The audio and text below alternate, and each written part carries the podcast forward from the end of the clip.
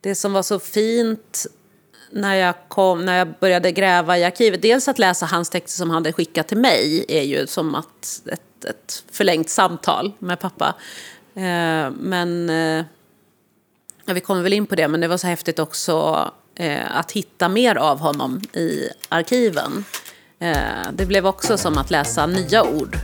Eh, att ha ett nytt samtal med pappa eh, flera år efter hans, hans död.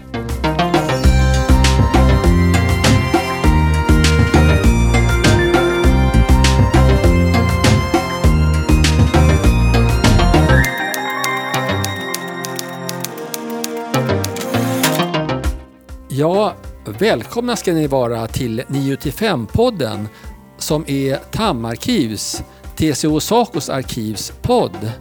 Och den jag talar med nu är Lars Karlén. Och du Lars har talat med eh, Marlene Tamlin eh, som har varit på TAM och släktforskat. Eh, kan du berätta lite om det?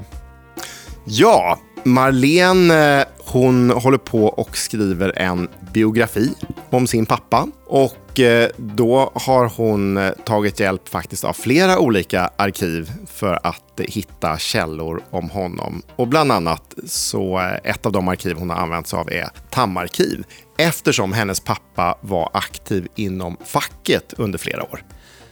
Ja, var det något speciellt då som hon tyckte var intressant? Hittade hon något speciellt dokument eller eh, fotografi eller något sånt där som, som var särskilt eh, eh, viktigt för henne? Ja, det som hon gjorde att hon hittade väldigt mycket här som ni kommer få höra om i eh, intervjun. Men bland annat så nämnde hon en sån sak som mötesprotokoll. Att det var en sån sak som hon faktiskt har stor nytta av nu och, läsa igenom eh, när hon släktforskar om pappan. Det låter ju väldigt intressant så då får vi ta och lyssna på avsnittet då. Ja, men det gör vi.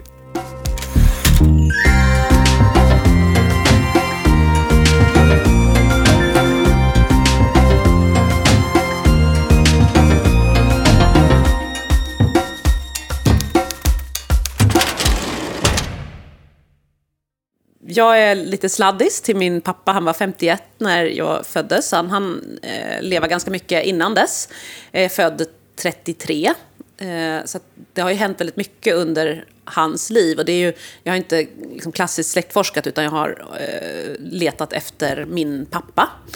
Eh, framför allt. Eh, och eh, när han gick bort för några år sedan så lämnade han efter sig väldigt mycket texter om sitt liv.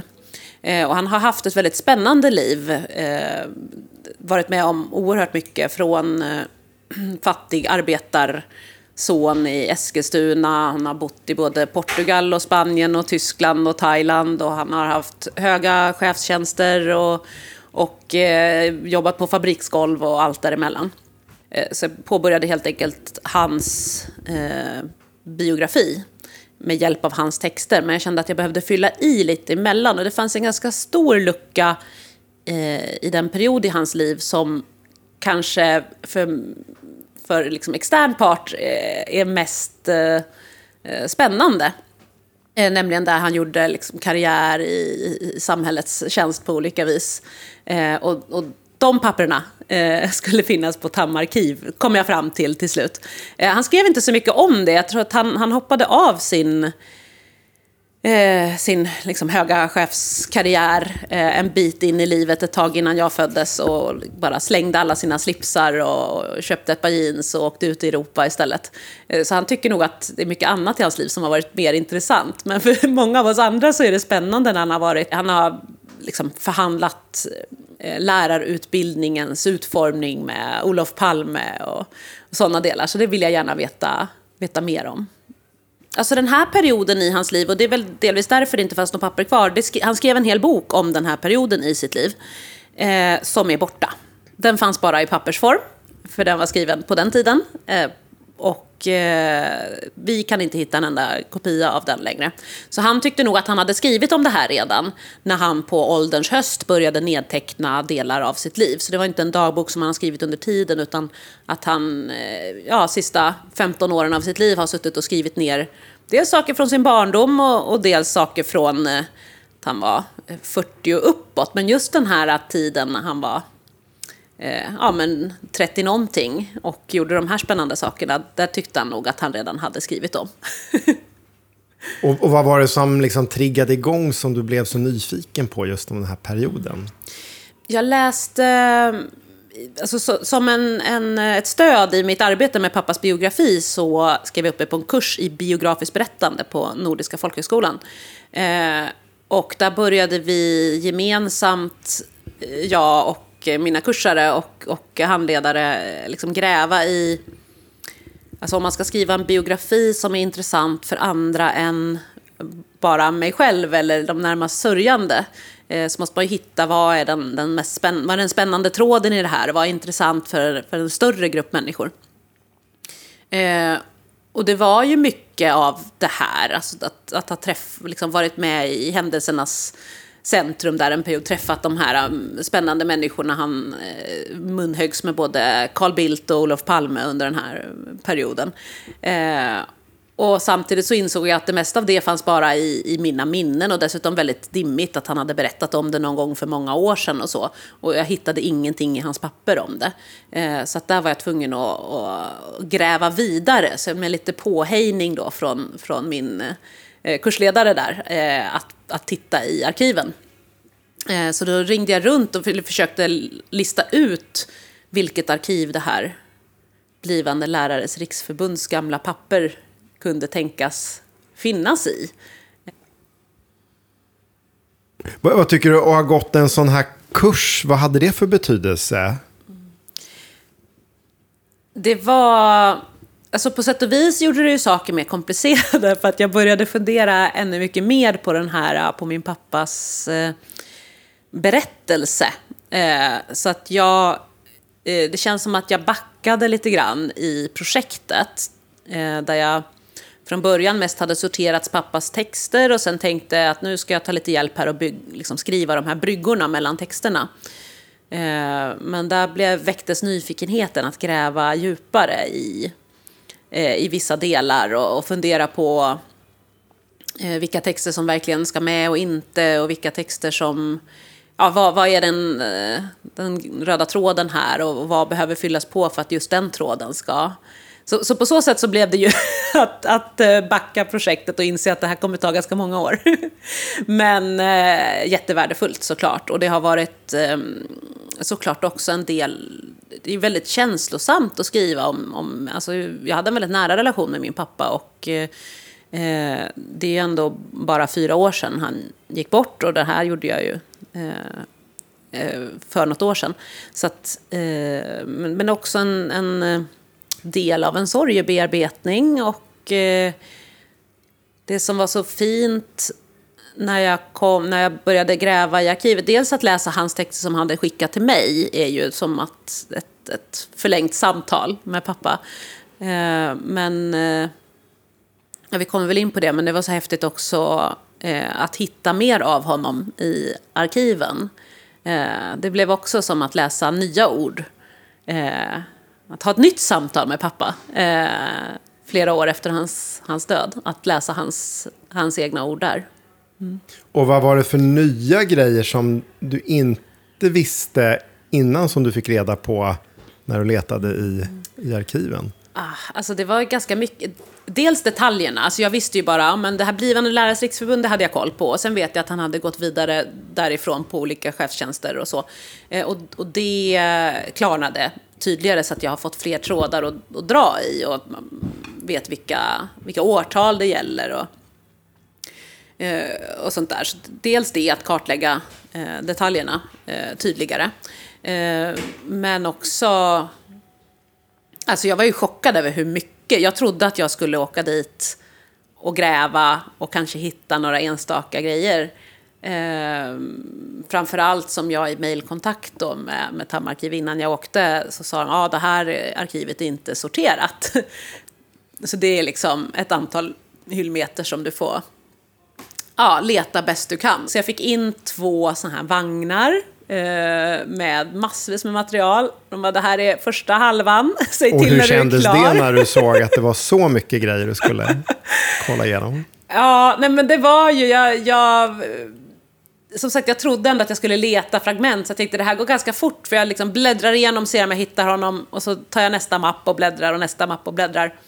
Men den allra första mappen jag öppnar, eh, andra pappret i den mappen, det var alltså ett, ett sexsidigt transkriberat tal av min pappa. Wow! Ett tal som han hö- höll på någon, ja, någon skolkonferens där. Eh, där det faktiskt, som jag sedan tidigare har en bild på när han håller detta tal. Eh, jättefin så här, svartvit bild där han står vid en talarstol och så ser man, bilden är lite snett bakifrån så man ser publiken och ser Olof Palme sitta på första raden i publiken och lyssna på detta tal. Och det har jag då sett nu transkriberat. Det var det första jag hittade. Så det var ju jättehäftigt. Och på den vägen är det, därför var jag tvungen att åka tillbaka en extra dag. Mm, Jag trodde jag skulle sitta och, och läsa och pilla och hitta, liksom. men, men det var bara att och så effektivt sk- skanna sida efter sida efter sida. Det var helt fullt av min pappa där i, i korridorerna. Det var häftigt. Vilka andra källor har du använt då, förutom Tammarkiv? Um, nej, främst så har, är det ju pappas egna texter. Det är ju de som ändå är stommen i mitt, mitt projekt, hans texter om hans liv. Och sen försöker jag fylla i de här luckorna.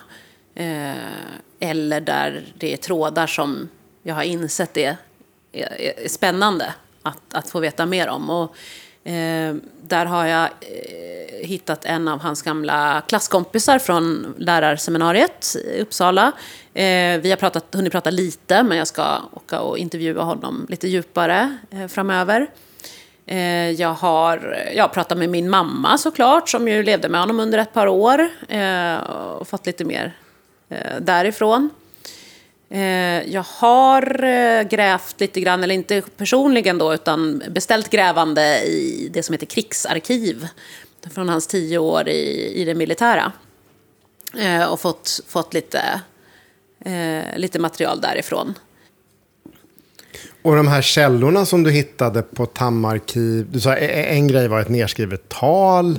Men vad var det för andra typ av... eh, Ja, eftersom han, Ja, annat han- material. han var ju förbundsordförande. Eh, så dels finns det ju massvis med mötesprotokoll från styrelsen. Det finns... Och det var det här som du nämnde, eh, det förbundet. Det här. Ja, precis. Blivande lärares riksförbund. Och sen eh, också TCOs skolledarfederation.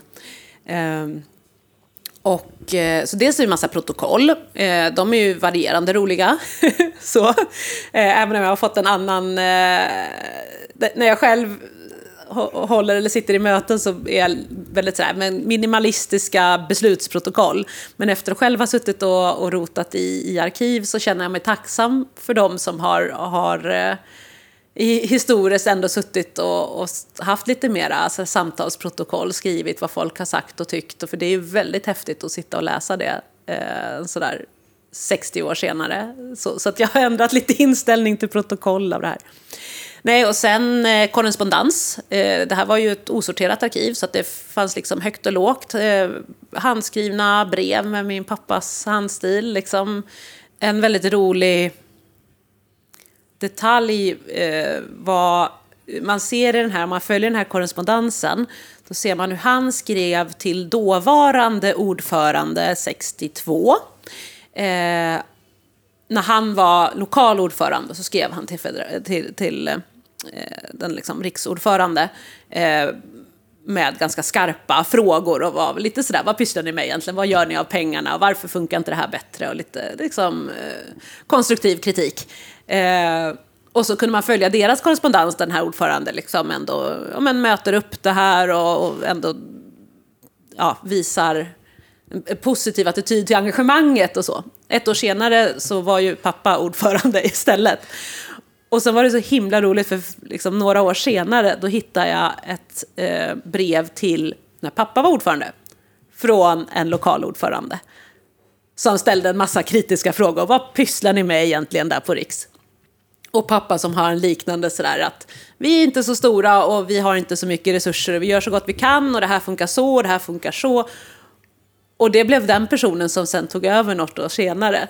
Så det var så roligt att se den här exakta, eh, ja, att det var precis likadant som pappa kom in som sen nästa som, som tog över kom in. Och jag känner igen det liksom 60 år senare från min, min egen, eh, när jag själv varit engagerad i föreningar och, och, och även varit eh, ordförande på riksnivå och hur man hanterar de här arga medlemmarna, att de ofta blir de som sen eh, kommer och tar över ledningen så småningom. Så inget nytt under solen kanske Inget man nytt kan under säga. solen. Det här att du gick den här kursen och att ni var, det var ju både lärare och, och kurskamrater. Mm. Vad hade det för betydelse i den här satsningen som du har gjort? Eh, nej men, eh, det är jätte, alltså, det är inte den första eh, folkhögskolekursen jag har läst. Eh, jag gillar verkligen konceptet att man eh, snarare man bildar sig tillsammans och lär av varandra. Och det här att ha en, en grupp andra skrivintresserade människor som man kan bolla med och läsa varandras texter. Man lär sig ju även av att läsa andras berättelser och se vad är det egentligen man tycker är intressant. Och så när, det är, när man läser om, om någon annan. För det är ju svårt det här med att ha distans när det handlar om ens egen pappa. Så att säga. Så att försöka med hjälp av dem få den distansen till både mina egna texter och hans texter. För att kunna liksom välja ut och hitta den här berättelsen. Eh, det har varit en jättehjälp. Var det något som du tyckte var lätt? Lättare med det här eh, att hitta material än vad du trodde? Ehm, ja, alltså...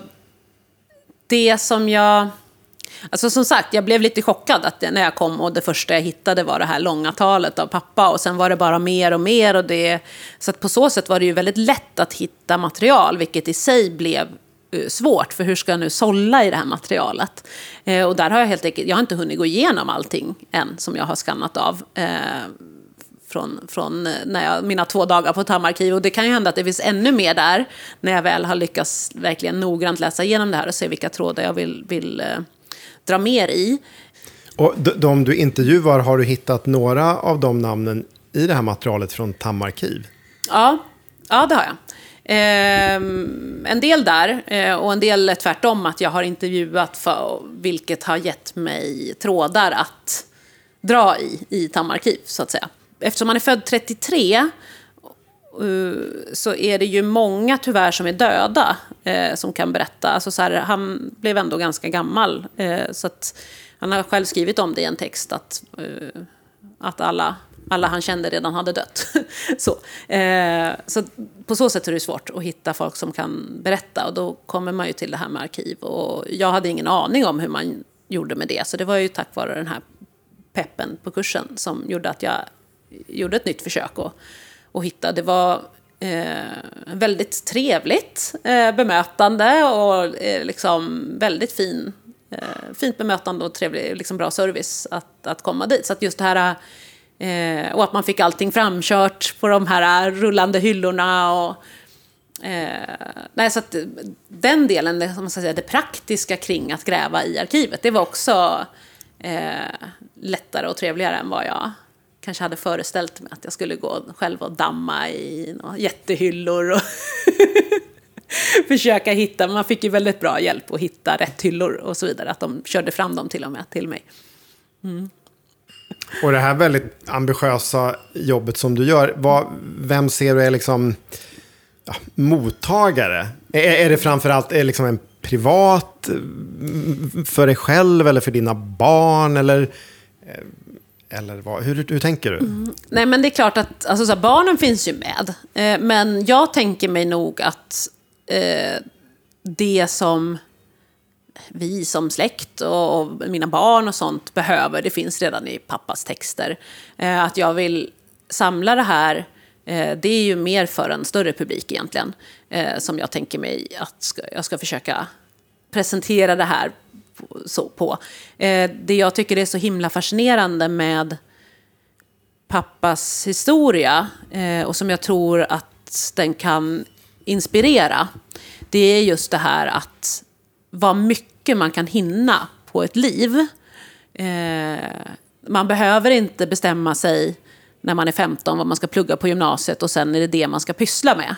Eh, man behöver inte heller bestämma sig vilket land man ska bo i och sen stannar man där. eh, kanske inte ens vem man ska vara gift med, för det hann han, hann han också med tre stycken.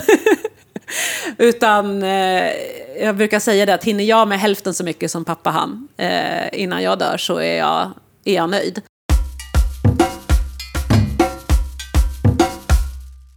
Men jag tänkte, när du sitter där med det här gamla materialet och, och så, kan det på något sätt kännas som att... Eh,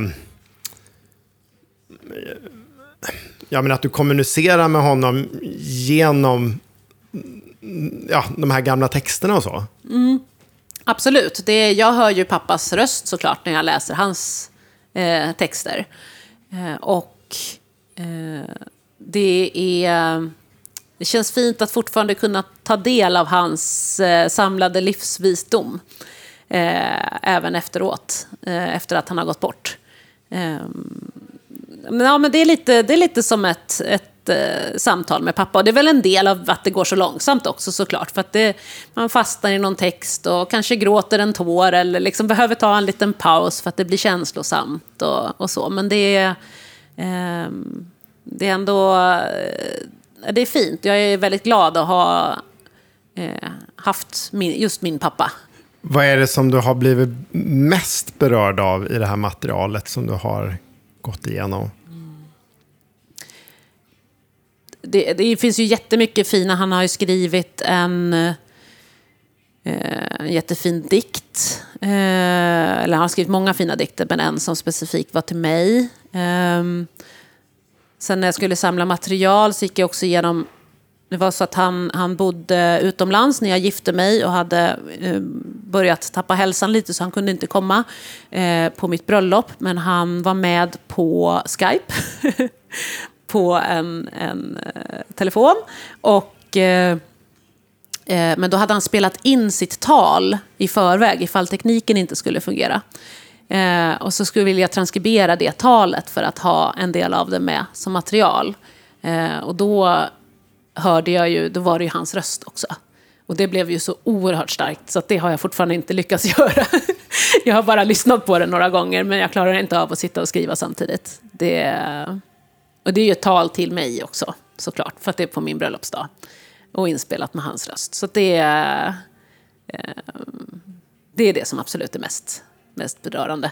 Sen eh, rann en liten tår på Tammarkiv också när, det först, alltså när jag hittade dels det här talet och sen eh, brev med liksom hans handstil. Och, och det var ju också material som jag aldrig tidigare hade mött. Det här materialet jag har hemma, det har jag ju liksom... Eh, han har skickat mig texter lite löpande och det har liksom... Eh, det har ändå funnits med i ett samtal med honom. Jag ska säga. Det här var helt nya ord från min pappa eh, några år efter döden på något vis. Så det var också väldigt speciellt. Så. Mm. Nu kan man ju inte så här vrida klockan tillbaks, men låt, låt säga så här, om vi kunde trolla och vi kunde göra det. Är det något som du, det som du vet nu, mm. så här, som du tänkte att amen, det skulle du ha frågat honom? Ja, gud Om det ja. hade varit möjligt. Oj, oj, oj. Va, vad då för något? Kan, kan du ge, om du säger bara en, en grej, ett exempel? Mm. Oj. Nej, alltså, ja. Eh, en grej. Detaljer. Eh, han har berättat det mesta om sitt liv vid något tillfälle, men ofta på det där sättet som man själv... Eh, när man själv berättar, alltså så här, man, man, tar bara de, de stora dragen. Ehm, men nu sitter jag och vill liksom måla upp den här bilden.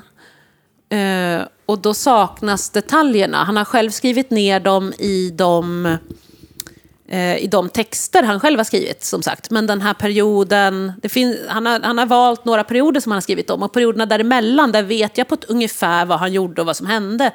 Men, men jag kan liksom inte det här, hur smakade det, hur luktade det, vem sa vad och hur, hur såg det ut, liksom, hur kändes det, var, hur såg stolarna ut, var, var, var satt du, var satt han? Alltså så här, de detaljerna som verkligen kan göra en berättelse levande nu när jag försöker skriva det eh, verkligen skriva ner det på det viset. Eh, de hade jag velat fråga mer om.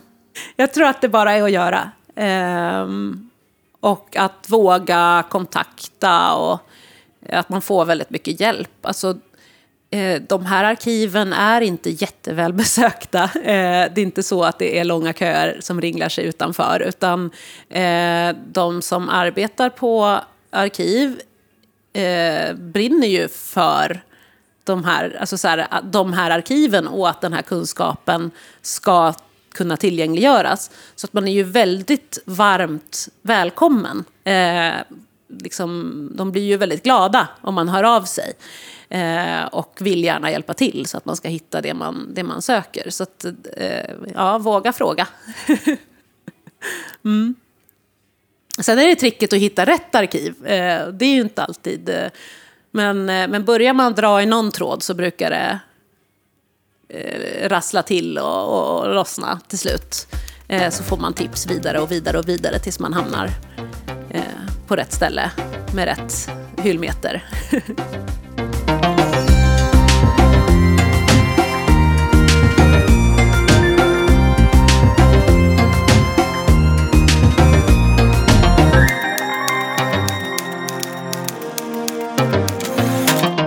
Ja, Lars, Eh, det var ju en väldigt intressant eh, intervjuperson som du har pratat med här. Eh, och vad tror du att Tammarkiv har för potential för släktforskare? Ja, det finns ju stor potential för släktforskare att hitta intressanta källor om sina släktingar på Tammarkiv. Eh, om då eh, man har släktingar som har arbetat inom någon av de här yrkesgrupperna vars fackförbundsarkiv finns här. Eller om man då till och med har en släkting som har varit aktiv inom något av de här fackförbunden. Och det som kan vara intressant det är ju till exempel matriklar, eh, det kan vara mötesprotokoll, korrespondens. Och för vissa personer, eh, om man då någon som har haft en framträdande roll eh, så här, inom ett fackförbund så finns det ju även personarkiv för eh, ja, ganska många personer. Och där kan man verkligen hitta väldigt mycket, en riktig guldgruva om man kommer på en sån släkting här i arkivet. Ja, men eh, det låter ju som att eh, vi på Tammarkiv har stora möjligheter att få eh, fler släktforskare att upptäcka det här fina arkivet. Eller hur? Ja, det håller jag verkligen med om. Så att eh, är man släktforskare, ta och eh, ja, eh, kolla in Tammarkiv och, och sen också boka och komma och, och besök helt enkelt. Och jag tycker också att eh, någonting vi ska berätta om det är det här fina bildarkivet. För till och med man kan ju ha sån tur att man hittar foton på sina släktingar här. Vi har ju ett stort bildarkiv.